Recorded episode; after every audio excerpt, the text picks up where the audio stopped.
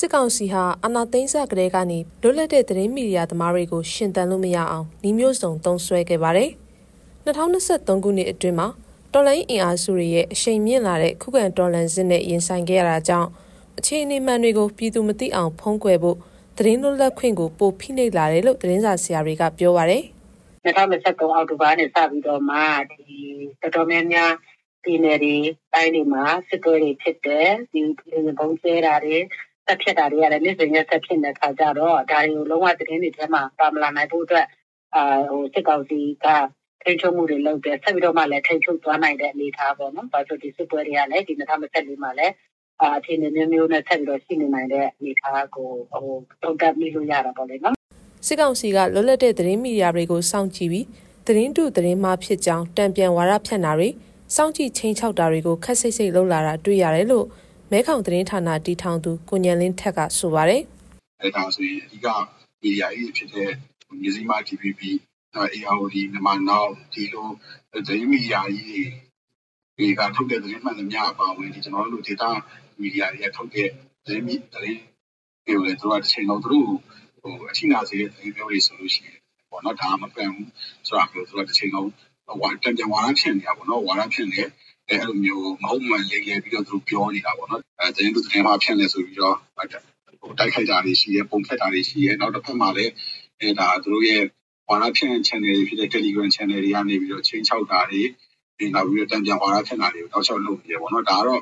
ဟိုအာနာရှင်အာနာရှင်ရဲ့တရုတ်တကံပဲပေါ့လေအာနာသိန်းစစ်ကောင်စီက2023ခုနှစ်အတွင်းမြန်မာနောင်သတင်းဌာနကသတင်းတောက်ကိုဆိုင်းစော်ကိုထောင်ဒဏ်220အထိချမှတ်လိုက်တာ သတင်းဌာနတွေကိုထုတ်ဝေခွင့်ပိတ်သိမ်းတာသတင်းသမားတွေကိုဖမ်းဆီးတာရခိုင်သတင်းဌာနတွေကသတင်းတွေကိုမျှဝေမှတ်ချက်ပေးရင်အရေးယူမယ်လို့ချင်းချောက်တာအစရှိတဲ့ဖိနှိပ်မှုတွေကိုလည်းလုပ်ခဲ့ပါတယ်စစ်ကောင်စီကမီဒီယာကိုဖိနှိပ်ဖို့စနစ်တကျပြင်ဆင်ထားတဲ့အတွက်လာမယ့်နှစ်တွေမှာလည်းသတင်းလွတ်လပ်ခွင့်မရှိတဲ့အခြေအနေကပိုဆိုးရွားသွားနိုင်တယ်လို့ဖမ်းဆီးခံရတဲ့သတင်းတောက်တွေနဲ့ပတ်သက်ပြီးစည်ရင်းပြုစုနေသူသတင်းစာဆရာတဦးကမှတ်ချက်ပြုပါတယ်။ဟောဒီနိုင်ငံပိုင်တဲ့ဥစ္စာတွေမီဒီယာတွေအကုန်လုံးကို ဒီ state owned media တွေကိုလည်းသူကထိန်းထားနိုင်တဲ့အခြေအနေမှာရှိနေတဲ့အခါကျတော့ဒီသူအဲ့ဒီကနေပြီးတော့သူကဒီသတင်းသူသတင်းအမှားတွေ misinformation တွေ disinformation တွေကိုသူကစနစ်တကျသူထုတ်လွှင့်နေတာရှိတယ်။အဲ့တော့ဒီ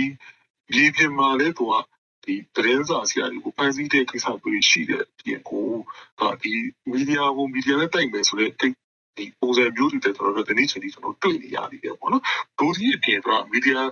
သုံးဆွဲတဲ့သူတွေပေါ့နော်သတင်းဖတ်တဲ့အများပြည်သူကိုလည်းတော့ဒီတက်ကထားပြီးလုပ်တဲ့ကိစ္စတွေကျွန်တော်တို့တွေ့ရတာရှိတယ်ပေါ့နော်အဲ့တော့ကျွန်တော်တို့ကတော့ဒီလက်ရှိအခြေအနေမျောမျောလင့်လာတော့အကောင်းဆုံးအခြေအနေတွေကိုကျွန်တော်မျောလင့်နေဒါပေမဲ့လည်းကျွန်တော်တို့ကဒီ2024မှာလေ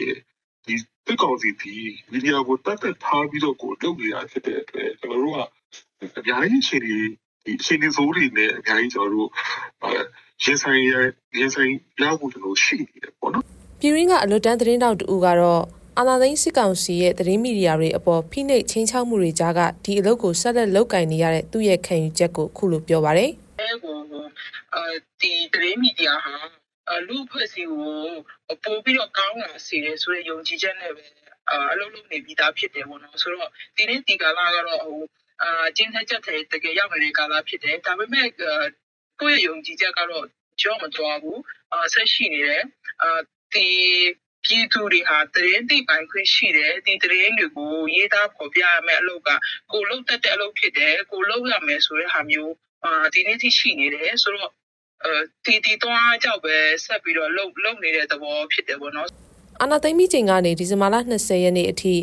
DVB ကကောက်ယူရရှိထားတဲ့စာရင်းအရ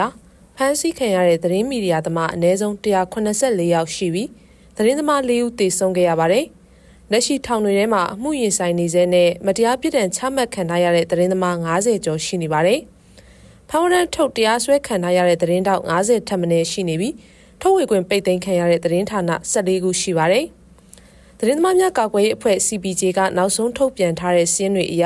မြန်မာနိုင်ငံဟာတရုတ်နဲ့အီရန်နိုင်ငံပြီးရင်သတင်းသမားတွေကိုဖမ်းဆီးထောင်ချတာတတိယအများဆုံးနိုင်ငံဖြစ်တယ်လို့ဆိုထားပါတယ်။ကျမတော့ဖူအီနွယ်ပါ။